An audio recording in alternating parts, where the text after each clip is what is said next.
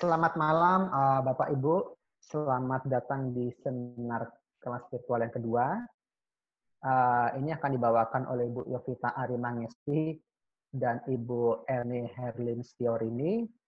Ada beberapa pertanyaan yang belum dijawab pertemuan yang lalu karena memang tidak sesuai temanya, sesuai tema yang sekarang yaitu uh, bagaimana jika aborsi tidak dikehendaki ibunya kalau kalau tidak dikehendaki oleh ibunya kecuali ada alasan medis yang mengancam nyawa si ibu. Yang kedua, bagaimana terkait aborsi bila dikorelasikan dengan janin yang cacat bawaan. Uh, ini karena terkait dengan undang-undang disabilitas. Yang ketiga, bagaimana sih terhadap uh, baby blues syndrome, apalagi yang tidak dikehendaki. Nanti seperti biasa, uh, saya harap nanti untuk tanya jawab bisa melalui chat kepada saya secara pribadi, tolong sertakan nama instansi jika berkenan, atau bisa di grup, tapi saya harap secara uh, pribadi kepada saya. Baik, uh, materinya pertama kepada Ibu Yovita Arimangesti, maksimal 7 menit Bu ya. Silakan Bu.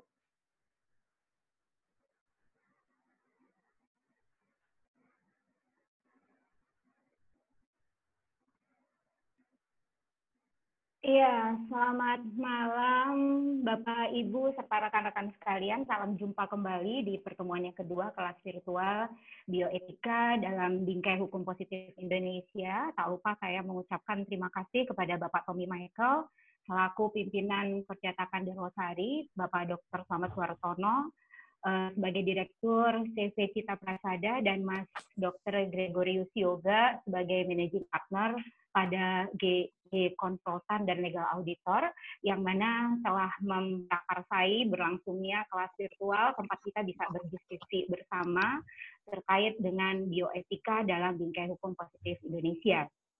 Ya, untuk tema kali ini eh, kita akan berdiskusi perihal aborsi. Eh, yang saya garis bawahi adalah bahwa sesuai dengan pertemuan uh, pertama kemarin, uh, titik berangkatnya di dalam uh, berbicara tentang bioetika dalam bingkai hukum positif Indonesia itu adalah atas dasar nilai hidup manusia.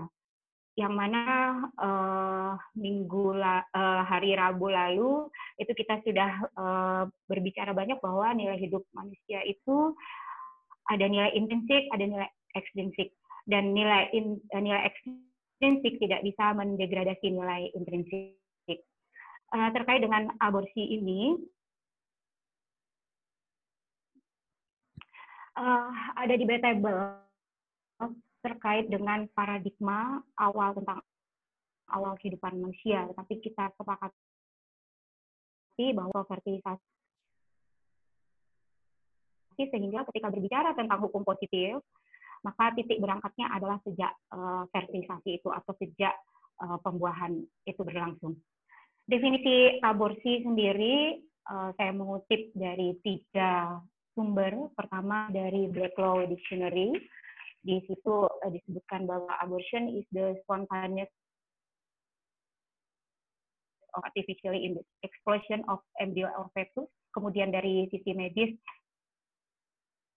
uh, penghentian kehamilan pada usia kurang dari 28 minggu atau dengan berat kurang dari 1000 gram. Sedangkan di dalam kacamata hukum positif, uh, aborsi itu adalah pengguguran atau penghentian kehamilan uh, yang berakibat pada matinya janin sebelum waktunya uh, dilahirkan. Nah, kalau kita lihat uh, fakta bahwa mengapa terjadi aborsi itu pertama akibat dari kehamilan yang tidak dikehendaki. Bisa jadi tidak dikehendaki karena banyak anak gagal KB, yang terlanjur sudah minum obat.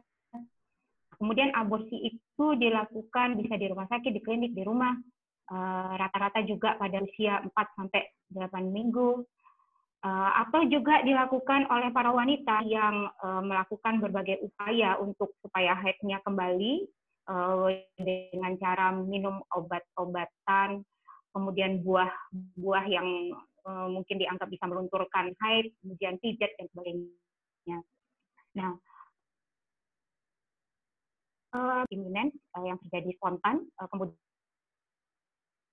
abortus provocatus medicalis dengan indikasi medis, kemudian ada abortus provocatus criminalis. Nah, ini yang nanti mungkin akan dibahas lebih panjang oleh Bu Erni.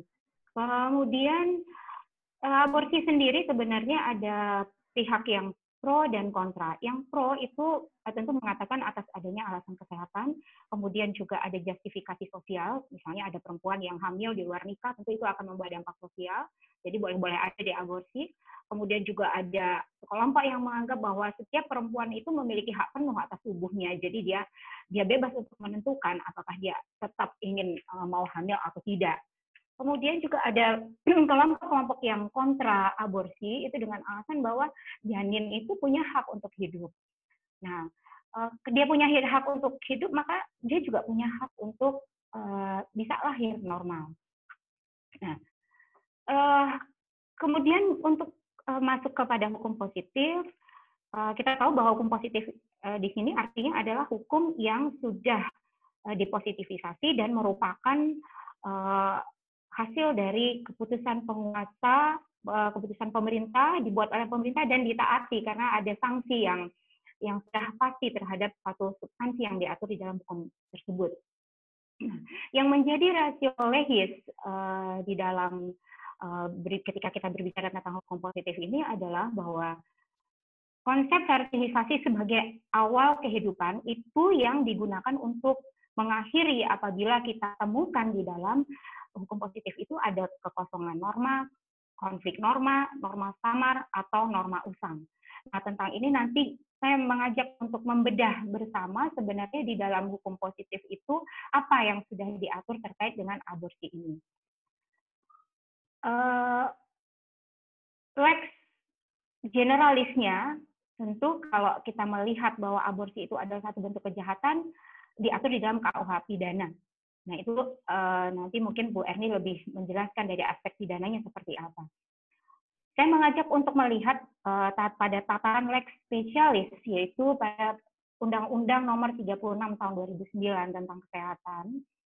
Di situ dikatakan bahwa setiap orang dilarang untuk melakukan aborsi. Kemudian ada uh, ada syarat larangan yang dimaksudkan uh, pada ayat 1 tadi adalah kalau A itu bahwa larangan dimaksudkan berdasarkan adanya indikasi kedaruratan medis yang dideteksi sejak usia awal atau usia dini kehamilan, ya baik yang mengancam nyawa ibu dan atau janin yang menderita penyakit genetik dan seterusnya kalimatnya. Nah, dalam diskusi ini saya mengemukakan sebuah gagasan bahwa ketika pijakan kita itu adalah nilai hidup manusia yang dimulai sejak awal pembuahan, maka bagi saya perlu adanya satu revisi terhadap eh, butir A dan B yang mengatakan bahwa eh, pada kondisi deteksi awal ada penyakit genetik pada janin atau yang akan mengakibatkan cacat pada janin ketika dia nanti akan hidup di luar kandungan, atau pada butir yang mengatakan kehamilan akibat perkosaan itu uh, boleh diaborsi. Nah, uh, berdasarkan nilai hidup manusia tadi, maka menurut pendapat saya perlu ada revisi terhadap undang-undang ini.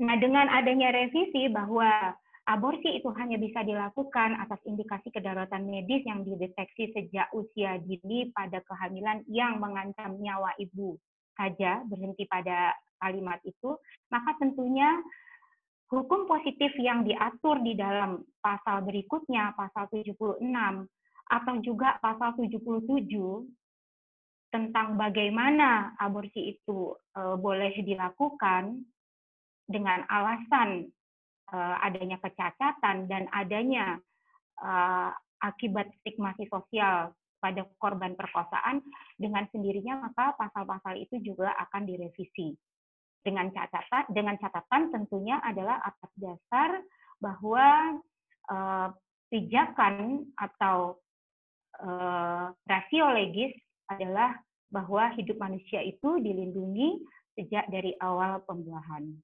Lalu kemudian terkait dengan pertanyaan uh, yang kemarin ya pada hari Rabu, uh, aborsi apakah diperbolehkan untuk cacat bawaan. Nah, dengan usulan revisi tersebut, saya berpendapat bahwa berdasarkan paradigma nilai intrinsik tentu tidak dibenarkan.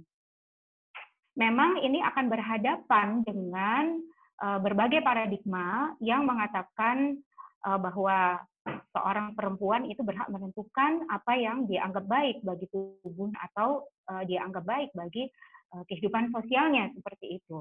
Biarlah itu menjadi sebuah diskursus karena yang namanya etika tentu etika ini adalah sebagai panduan ketika kita akan menemukan apa yang baik dan benar. Nah, kemudian uh, nilai intrinsik yang dimiliki oleh seorang janin ketika dia di diprediksi akan dilahirkan cacat tentunya tidak boleh digerus dengan nilai ekstrinsik yang diberikan oleh lingkungannya. Kemudian juga ada pertanyaan bagaimana dengan uh, penyandang disabilitas. Uh, untuk penyandang disabilitas ini kalau kita lihat dari segi uh, undang, hukum positifnya, Undang-Undang Nomor 8 Tahun 2016 tentang penyandang disabilitas itu lebih baru. Jadi artinya dibuat setelah Undang-Undang Nomor 36 Tahun 2009. Maka dari sisi keberlakuannya memang undang-undang ini lebih baru. Maka saya berpihak pada Undang-Undang Penyandang Disabilitas yang memberikan perlindungan terhadap uh, uh, para difabel ya dalam hal ini juga sebenarnya saya mengkritisi kata disabilitas saya lebih senang menggunakan kata difabel karena difabel itu rasanya lebih manusiawi dan e, berasal dari kata different ability. Nah, jadi kalau katakanlah hanya karena alasan cacat e, kemudian tidak bisa dilahirkan, saya pikir ini justru merupakan satu fenomena yang e, melanggar dari undang-undang penyandang disabilitas. Karena apa? Karena di dalam bab 3, bab 4 undang-undang tersebut diberikan perlindungan secara konstitusional uh, kepada para penyandang disabilitas. Negara dalam hal ini melindungi segala bentuk keterbatasan bagi setiap orang, tentunya mulai dari awal uh, pembuahan. Negara melindungi keterbatasan pada kaum rentan atau vulnerable person dalam bentuk hak konstitusional. Nah, eh, kemudian juga ada pertanyaan kalau bayi yang diduga akan lahir cacat itu, kemudian itu menjadi tanggung jawab siapa? Pasal 132 Undang-Undang Nomor 36 Tahun 2009 tentang Kesehatan, di situ disebutkan bahwa anak yang lahir itu menjadi tanggung jawab dibesarkan dan diasuh sehingga memungkinkan untuk tumbuh berkembang secara optimal. Memang pasal tersebut secara eksplisit dia tidak menyebutkan tentang apakah ini peran orang tua atau apa, maka mungkin memang perlu juga direvisi di situ Eh, bahwa ini disebutkan secara eksplisit ada penegasan bahwa orang tua wajib membesarkan, mengasuh secara bertanggung jawab.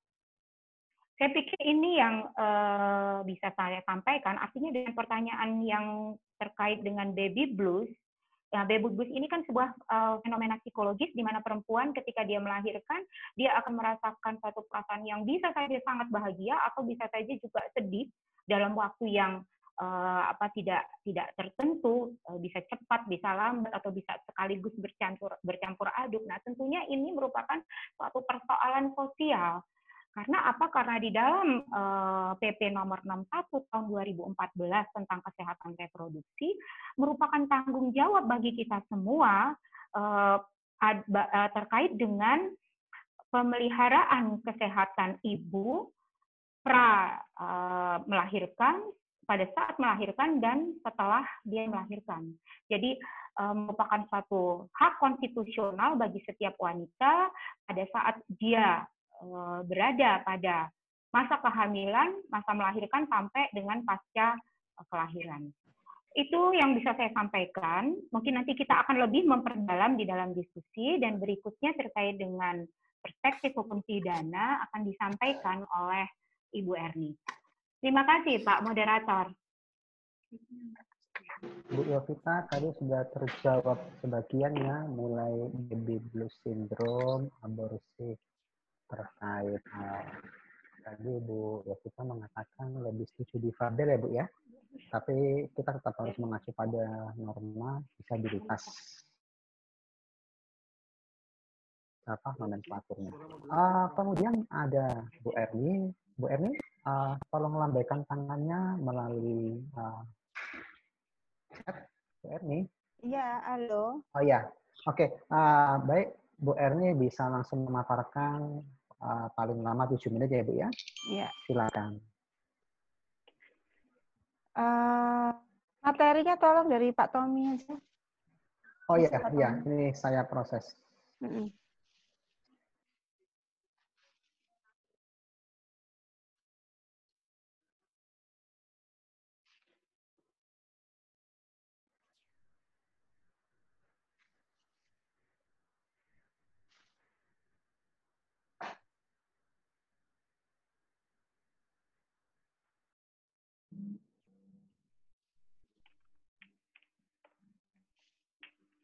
Uh, maaf, gambar Bu Emi agak gelap ya?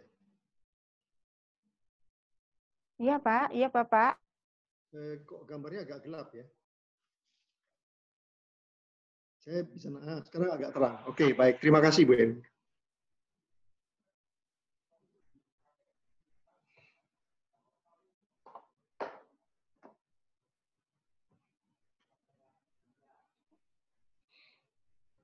Halo Pak Tommy, bisa?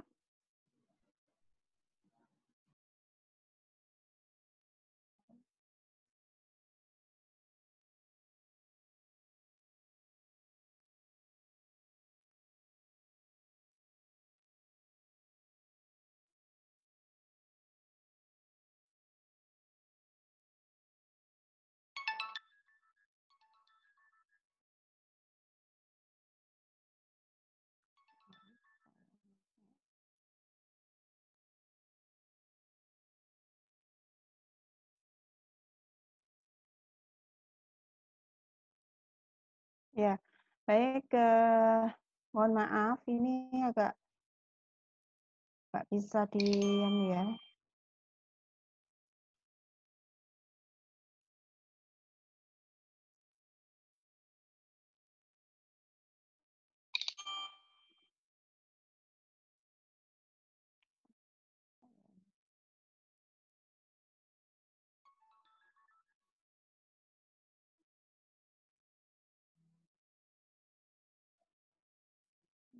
Oh, ini kok nggak bisa ya materinya.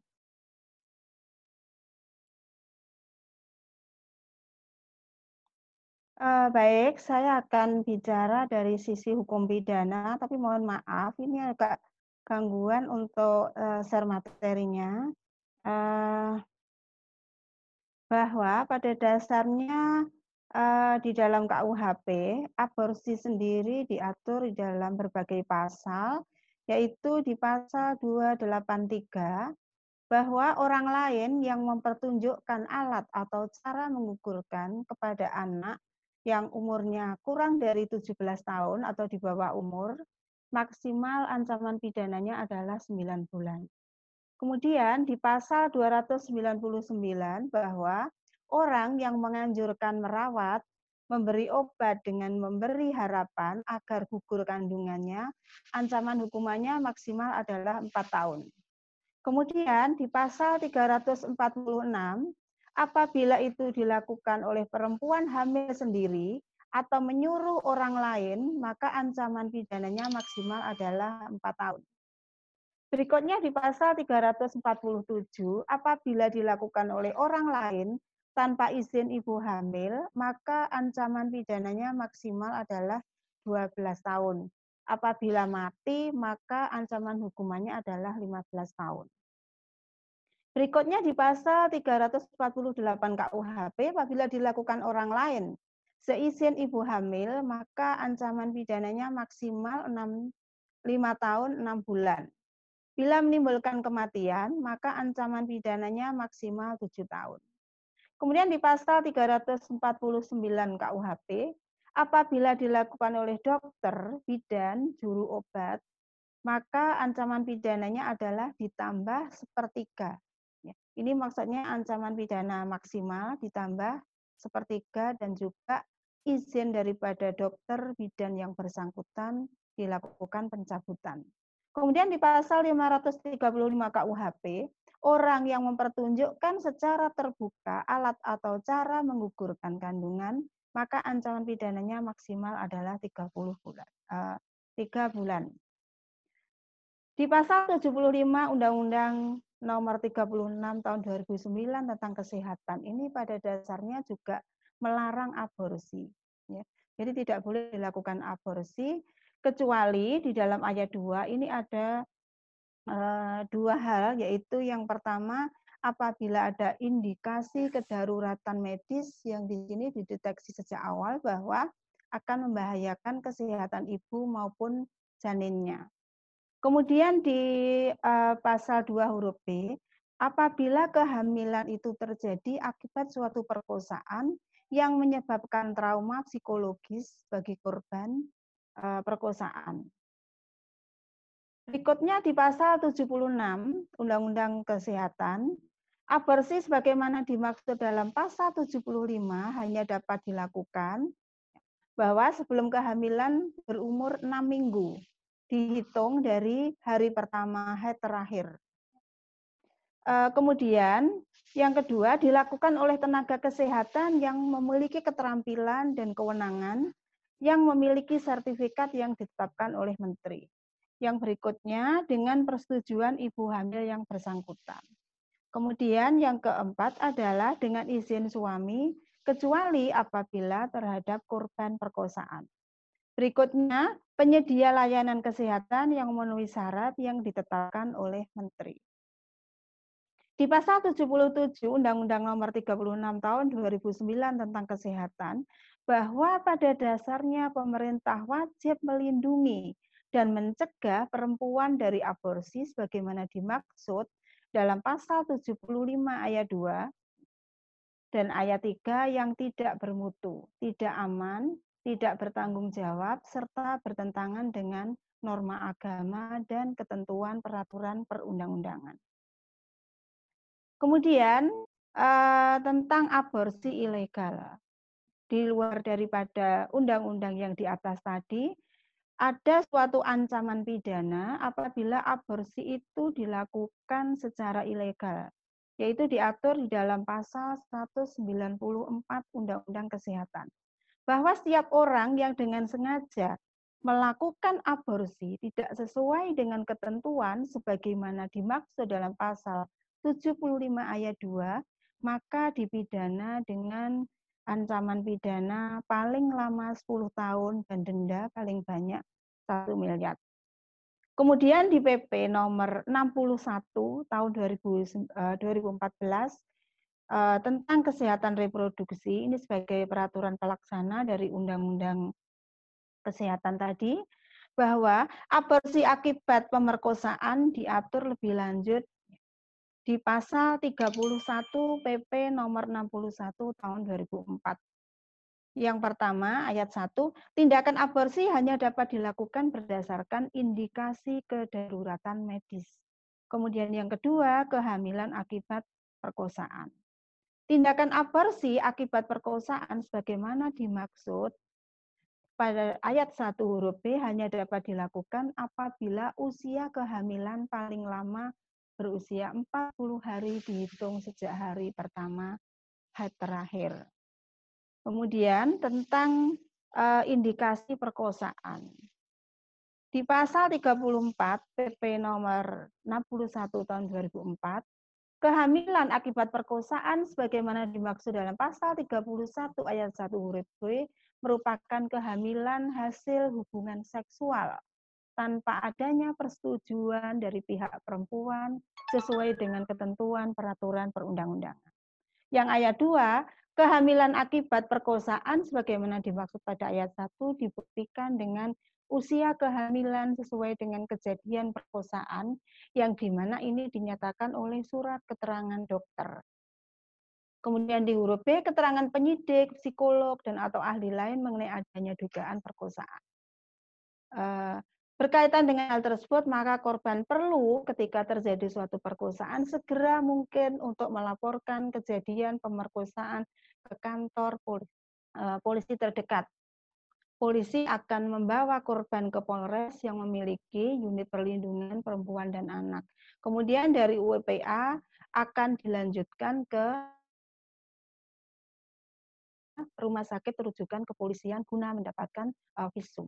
Demikian, terima kasih. Nah, baik, terima kasih Bu Erni. Kemudian uh, ini tadi sudah ada yang mengecat saya. Masih ada waktu 30 menit ya. Uh, dari saudara Sumarman, saya tidak lihat jelas namanya. Ini Sumarman Sukamto.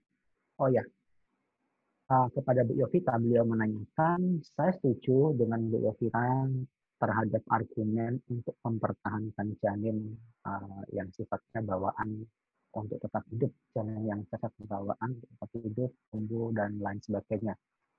Uh, namun bagaimana untuk merevisi undang-undang kesehatan ini? Uh, apakah harus dengan uh, judicial review ke MK atau ada mekanisme yang lain tersedia? Mungkin uh, ini jadi tentang cara agar undang-undang tersebut bisa apa dilakukan perubahan dan lain sebagainya silakan Bu Yovita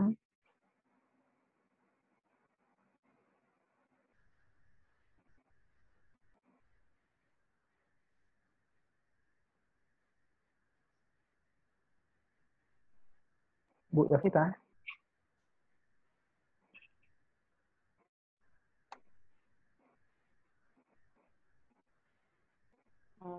Ya, oke, okay. uh, eh, Pak Sunarman. Jadi uh, memang cacat bawaan ini menjadi satu persoalan yang sulit ya untuk uh, membuat sebuah pilihan. Tetapi memang uh, pada kelas ini memang saya menawarkan atas dasar pemikiran bahwa manusia memiliki nilai intrinsik. Nah, keinginan untuk merevisi undang-undang tentu uh, bisa dilakukan melalui mekanisme judicial review uh, ke MK, tetapi memang tentu uh, harus diajukan oleh uh, mereka yang berkepentingan memiliki kepentingan hukum dalam hal ini atau kepentingan hukumnya juga dicederai, tetapi tentu juga prosesnya akan panjang. Nah, untuk sementara karena real di lapangan yang ada adalah bahwa undang-undang disabilitas sendiri sudah memberikan apa namanya perlindungan secara konstitusional mungkin itu yang yang saat ini uh, lebih real untuk kita perjuangkan bagaimana hak-hak difabel ini memang bisa dilindungi oleh undang-undang. Jadi pada kelas ini saya menawarkan sebuah paradigma Nah, berharap bahwa dengan melakukan studi-studi interdisipliner lainnya mungkin nanti akan lebih mudah untuk uh, bisa memberikan masukan atau pertimbangan-pertimbangan karena uh, tataran bioetik, tataran etika itu memang pada uh, taraf untuk perbuatan ini baik atau enggak sih? Dan itu memang lebih uh, pada melatih suara nurani termasuk suara nurani dari para pemangku kebijakan di negeri ini. Tetapi ketika dia dikonstruksi sebagai sebuah hukum, tentu itu sudah merupakan satu mekanisme di uh, legislatif. Ya tentu juga ada pertimbangan-pertimbangan dari pihak pemerintah di sana yang uh, berbenturan dengan berbagai paradigma yang juga tidak hanya seperti apa yang saya katakan. Uh, jadi ada dilema, ada persoalan yang uh, konflik-konflik kepentingan, paradigma-paradigma yang saling berbenturan. Tetapi berharap dengan adanya eh, paradigma ini bahwa kita melihat bahwa nilai intrinsik itu tidak bisa digradasi oleh apa pun. Nah, berharapnya juga akan ada satu perlindungan hukum yang bisa menjamin uh, apa kelestarian nilai kemanusiaan yang menjadi sebuah orientasi. Begitu, Pak. Ya, baik. Terima kasih Bu Yovita ya. Berarti uh, ada pihak dirugikan Kemudian uh, nanti Bapak Ibu untuk mungkin mau menjawab karena bisa melambaikan tangan. Oh ya, dari Pak Peter mau di, mau beri tanggapan lewat chat atau bicara? Silakan. Eh, bertanya langsung apakah boleh? Langsung saja, kalau agak dekat Pak suaranya biar kedengaran dengan baik. Baik, terima ya, kasih. Selamat malam Dr. Peter. Selamat malam Bu Yuvita, selamat malam Bu Erni. Selamat malam, dokter. Saya hanya mau menanyakan dan sekaligus menanggapi dua hal. Bahwa saya bicara dari segi bioethics ya, karena memang uh, majoring saya di bioethics. Kebetulan saya juga medis. Uh, apa pun indikasi abortus, apakah itu uh, medical abortion, atau dengan indikasi hukum yang lain seperti karena perkosaan dan sebagainya, itu tetap, saya ulangi, tetap unethical. Karena ada dua hal. Yang pertama, eh, janin atau fetus itu adalah potential human being. Dia adalah sebenarnya sudah calon manusia.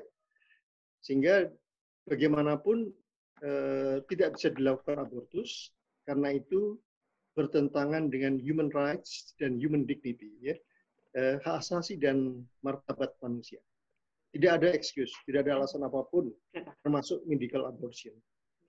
Yang kedua, eh, tempat berpijak saya adalah eh, dari hak otonomi ya, respect for autonomy.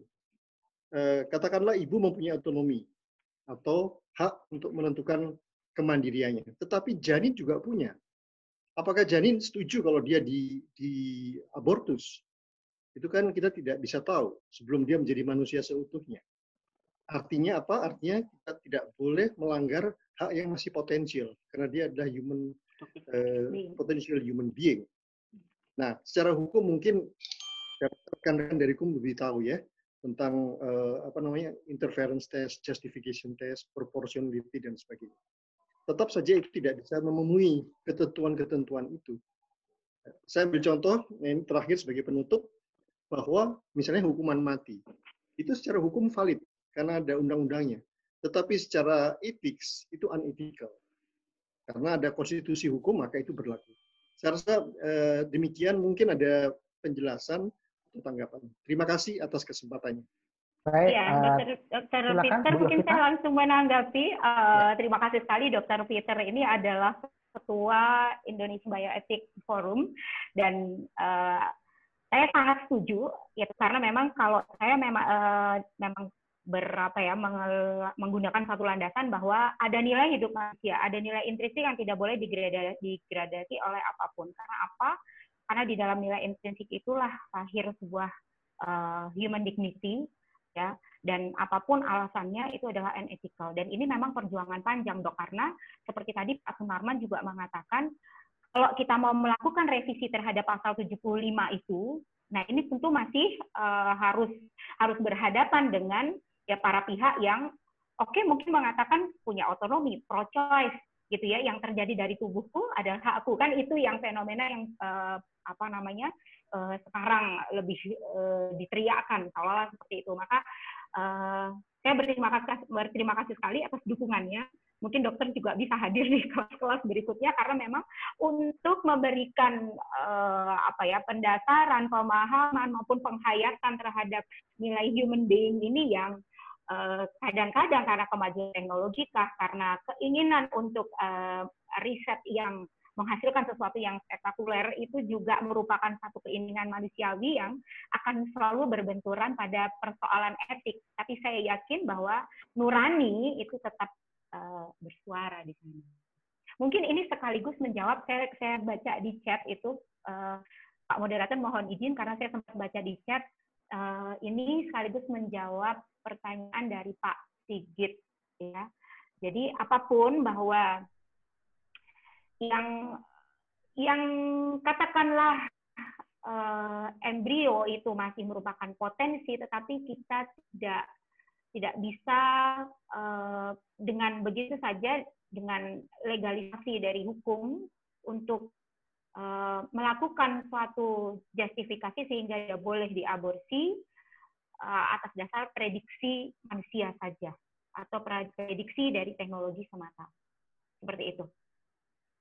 Uh, ya. Mungkin tambahan Bu Erni?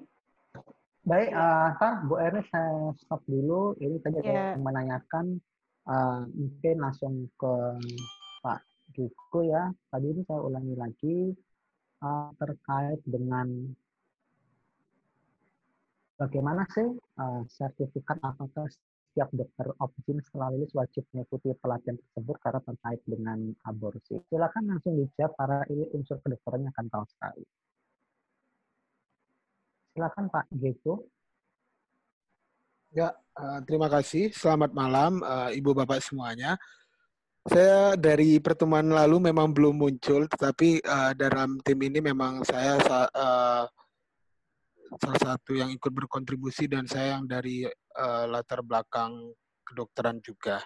Ya, untuk tadi ya pertanyaannya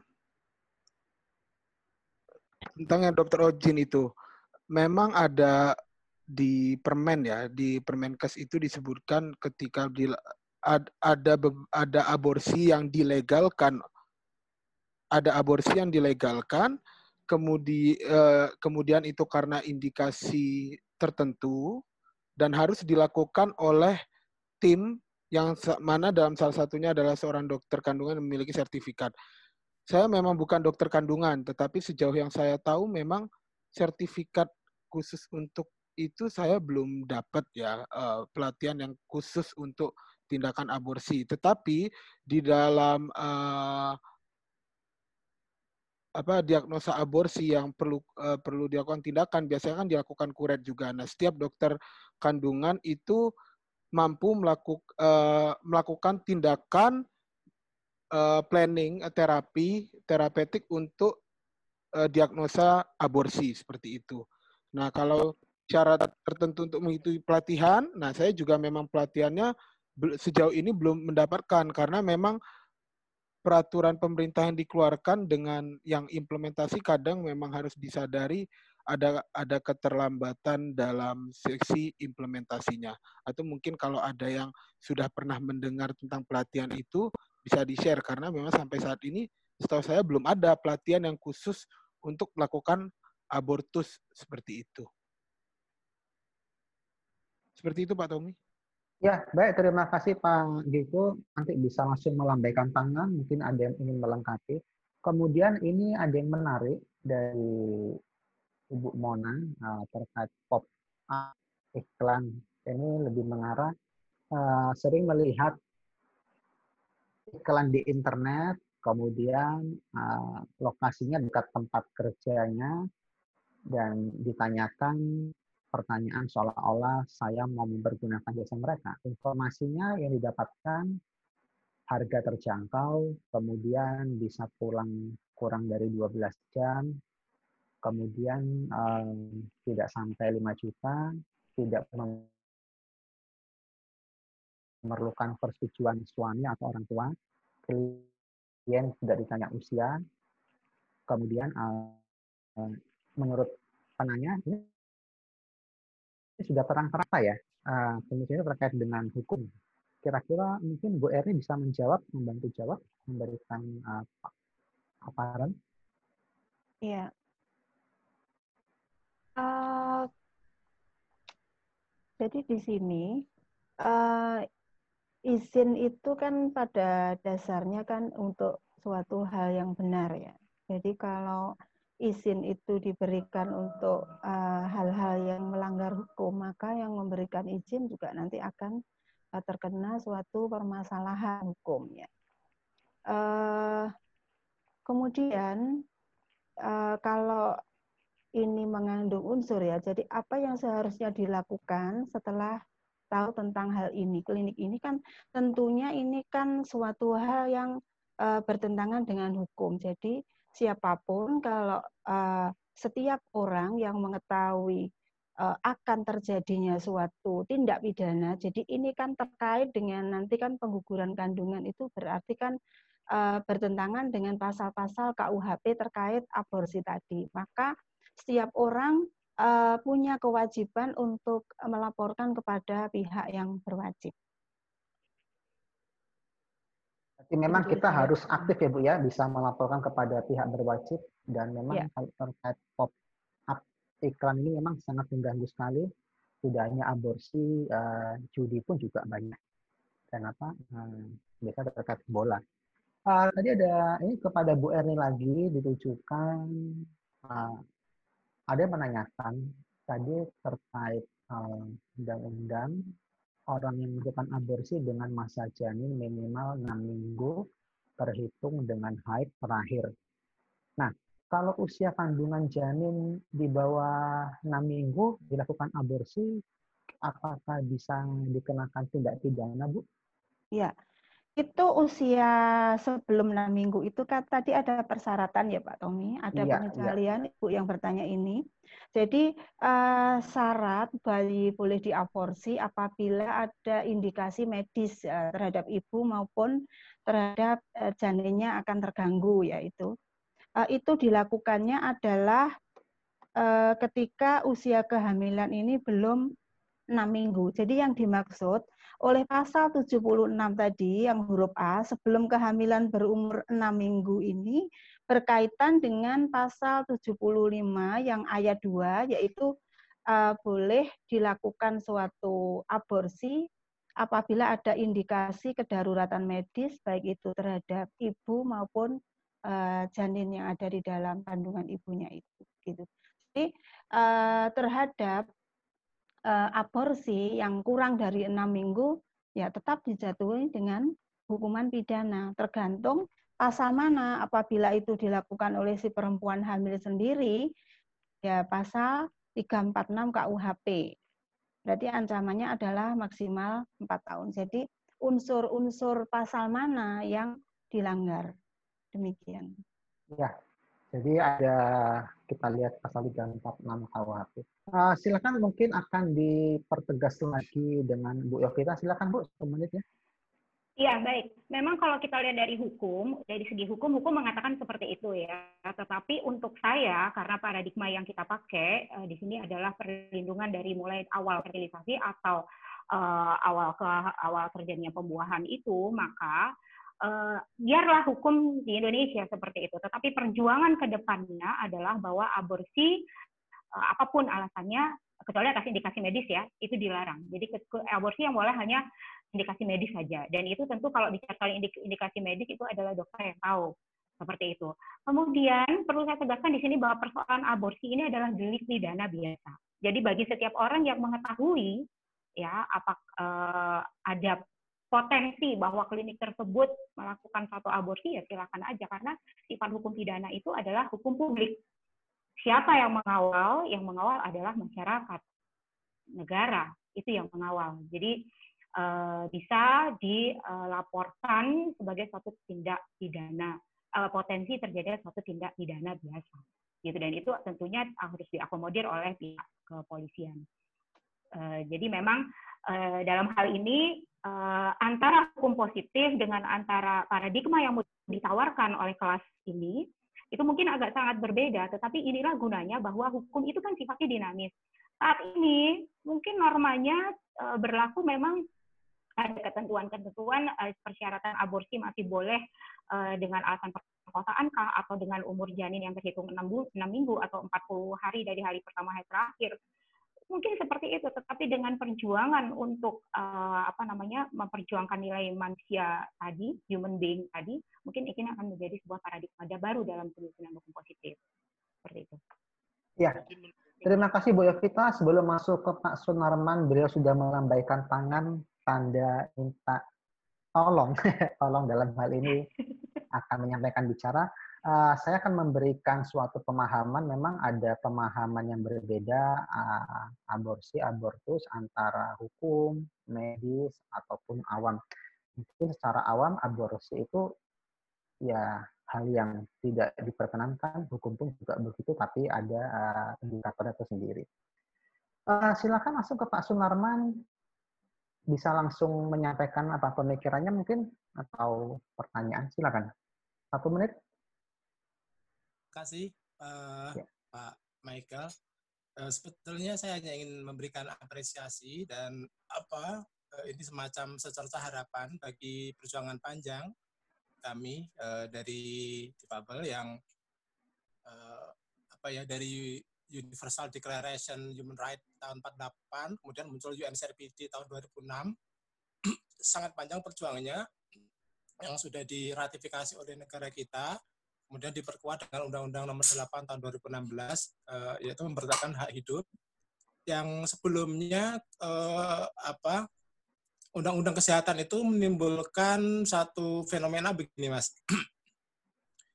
Ketika uh, secara legal itu janin yang uh, lahir cacat itu boleh digugurkan uh, dan ketika itu sudah berlaku sebagai apa uh, landasan hidup di masyarakat banyak sekali ketika bayi itu lahir cacat kemudian dibuang oleh orang tuanya. Ditaruh di pos kampling ditaruh di depan pintu panti-panti gereja atau tempat ibadah yang lain. Dan ini eh, apa sangat memprihatinkan karena sangat sedikit eh, para pihak yang membela. Makanya tadi saya mengapresiasi baik dari Bapak Ibu yang dari legal maupun yang bioetik dari dokter siapa tadi yang ketua forum bioetikal tadi juga eh, sangat mendukung bahwa apa pun alasannya no excuse bahwa eh, potential human being itu tetap harus dilahirkan.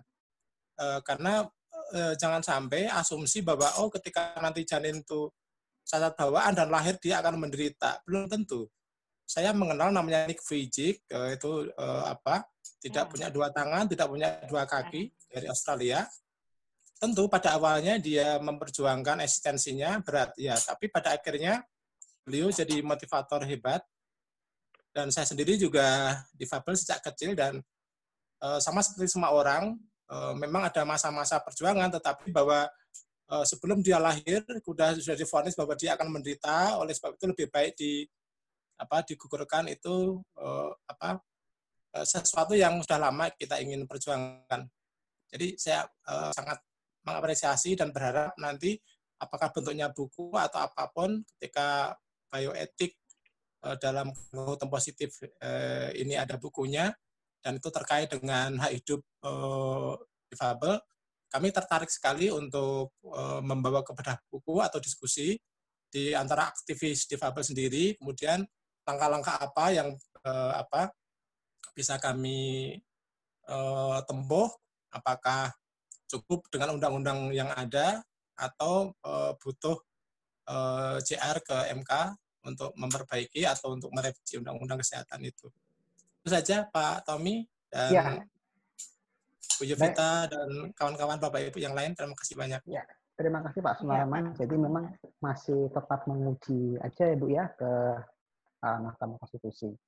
Kemudian uh, ini masih ada waktu kurang lebih 10 menit. Uh, mungkin Bu Yovita mau menambah dulu sebelum ada ke materi apa pertanyaan satu ada satu silakan mungkin Uh, Dokter Peter sepertinya ya dari kebetulan beliau adalah ketua IBF uh, eh, yang expert di bidang uh, Oh, Oke, okay. Dokter Peter ya. Ya. Terima kasih kesempatannya. Saya ingin menambahkan dua hal sedikit. Pertama, saya ingin mengatakan bahwa dari segi bioetik kami mempunyai keprihatinan ya, karena ada ethical undermining. Dalam sumpah lafal dokter itu eh, dulu disebutkan bahwa saya akan menghormati kehidupan insani sejak dalam kandungan atau sejak pembuahan.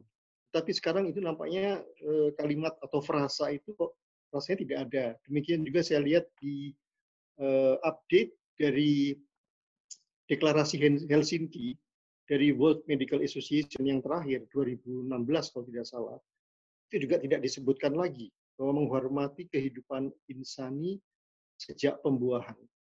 Nah ini eh, yang pertama. Yang kedua, kita tahu semua ya eh, bahwa di kota-kota besar di Indonesia itu banyak sekali klinik-klinik aborsi dan dan itu cukup laris ya. Banyak sekali yang datang ke sana. Saya sangat prihatin dengan ya teman-teman dokter ya bahwa sebenarnya kita tahu bahwa tanda kehidupan itu adalah bertambah banyak dan bertambah besar sejak pembuahan atau zygote, konsepsi pertemuan sperma dan sel telur, itu sudah terjadi zygote dan kemudian terjadi pembelahan. Dia bertambah banyak sampai terjadi morula dan terjadi nidasi di rahim ibu. Itu sebetulnya sudah suatu kehidupan karena dia bertambah banyak dan dia bertambah besar. Tapi ini nampaknya diingkari. Itu saja yang ingin saya sampaikan. Terima kasih atas kesempatan. Ya, baik. Terima kasih Pak Peter. Uh, ini satu lagi ya, Bu Yovita uh, kalau ada yang menanyakan, monggo bisa Bu Yovita, boleh Bu Erni. Uh, bagaimana jika usia bayi sudah enam bulan, kemudian uh, terakhir USG dokter kandungan tidak memberikan info bahwa bayi tersebut sedang bermasalah, uh, tidak bertubuh, tidak sedang bermasalah, tidak bertubuh dengan normal, dan full kontrol diberi obat. Ternyata setelah minum obat tersebut, esok hari keguguran.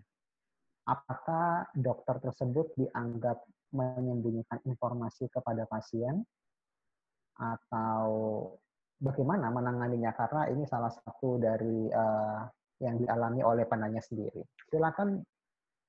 Jadi si dokter ini uh, mengatakan kepada si pasien tidak apa rupanya dokternya memberi obat akhirnya esoknya ke hari keguguran. Jadi dianggap si penanya bahwa ini menyembunyikan informasi yang benar kepada pasien.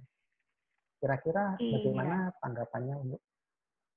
Iya, Pak Tommy. Iya. Uh, it, uh, ilustrasinya itu kalau menurut saya itu masih prasangka.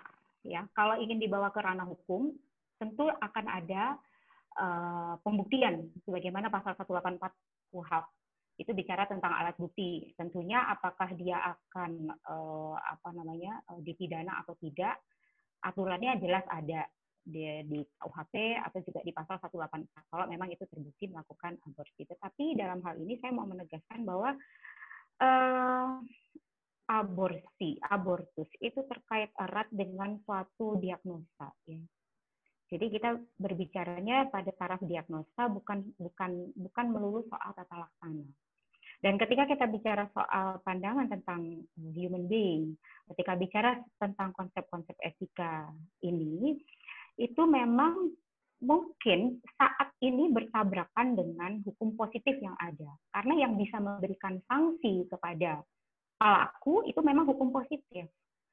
Maka kami mengangkat nilai-nilai etika hidup ini untuk kemudian itu menjadi suatu substansi sehingga ketika itu dilarang, hukum positif ini siap untuk memberikan suatu instrumen atau senjata atau suatu struktur yang bisa melakukan penindakan terhadap terjadinya uh, suatu tindak pidana akibat uh, pencederaan nilai hidup manusia seperti itu.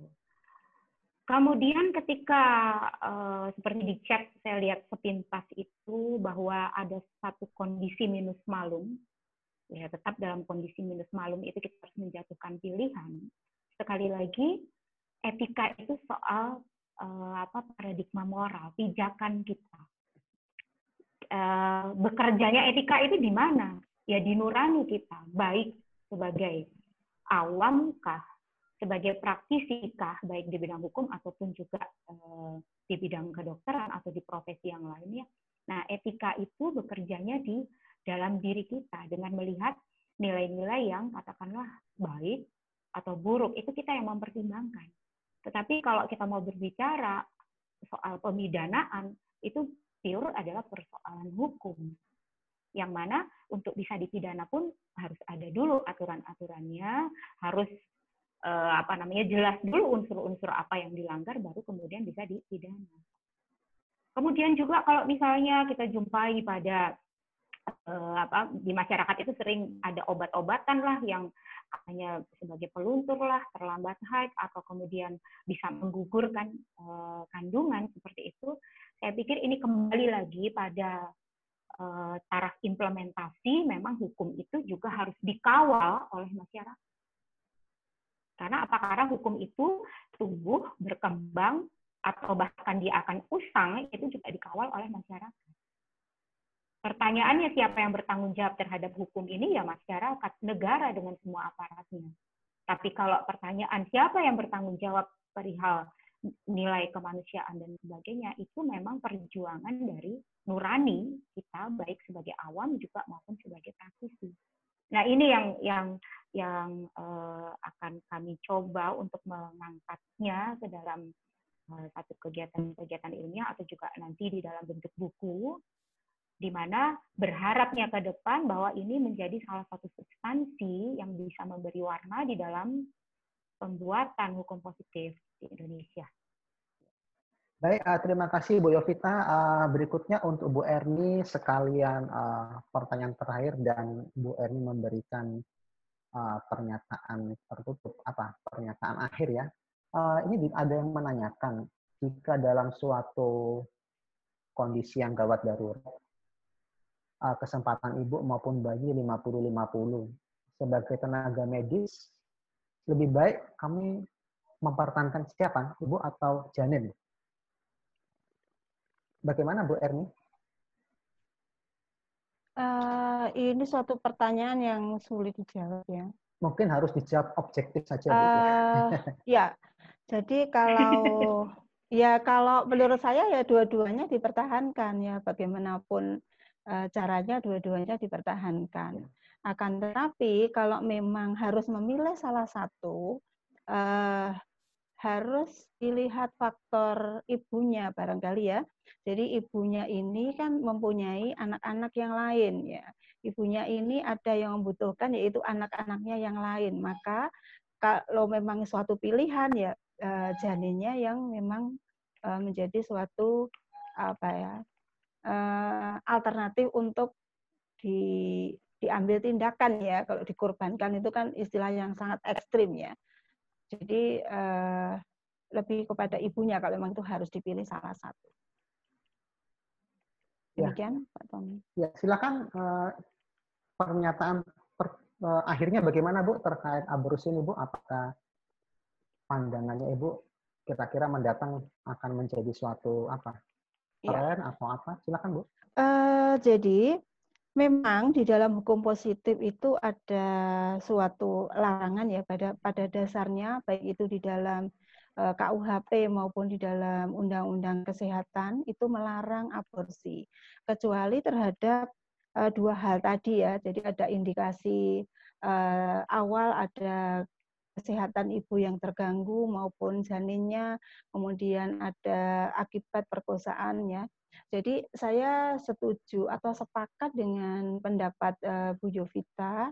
Dan tadi ada Prof tadi ya, Prof tadi. Uh, yang di sini uh, di kemudian di masa depan ya di masa depan ini nanti diadakan suatu uji material ya bahwa uh, di pasal 75 Undang-Undang Kesehatan di ayat 2 ini tetap tidak boleh e, melakukan suatu aborsi apa pun itu alasannya. Jadi seperti itu barangkali ya. Jadi e, saya sepakat untuk dilakukan uji material ke Mahkamah Konstitusi. Demikian Pak Tommy. Mungkin Bu Yovita ah, bisa menambahkan. Terima kasih Bapak Ibu. Uh, jadi memang pada intinya harus melakukan uji materi, walaupun uji materi itu uh, prosesnya panjang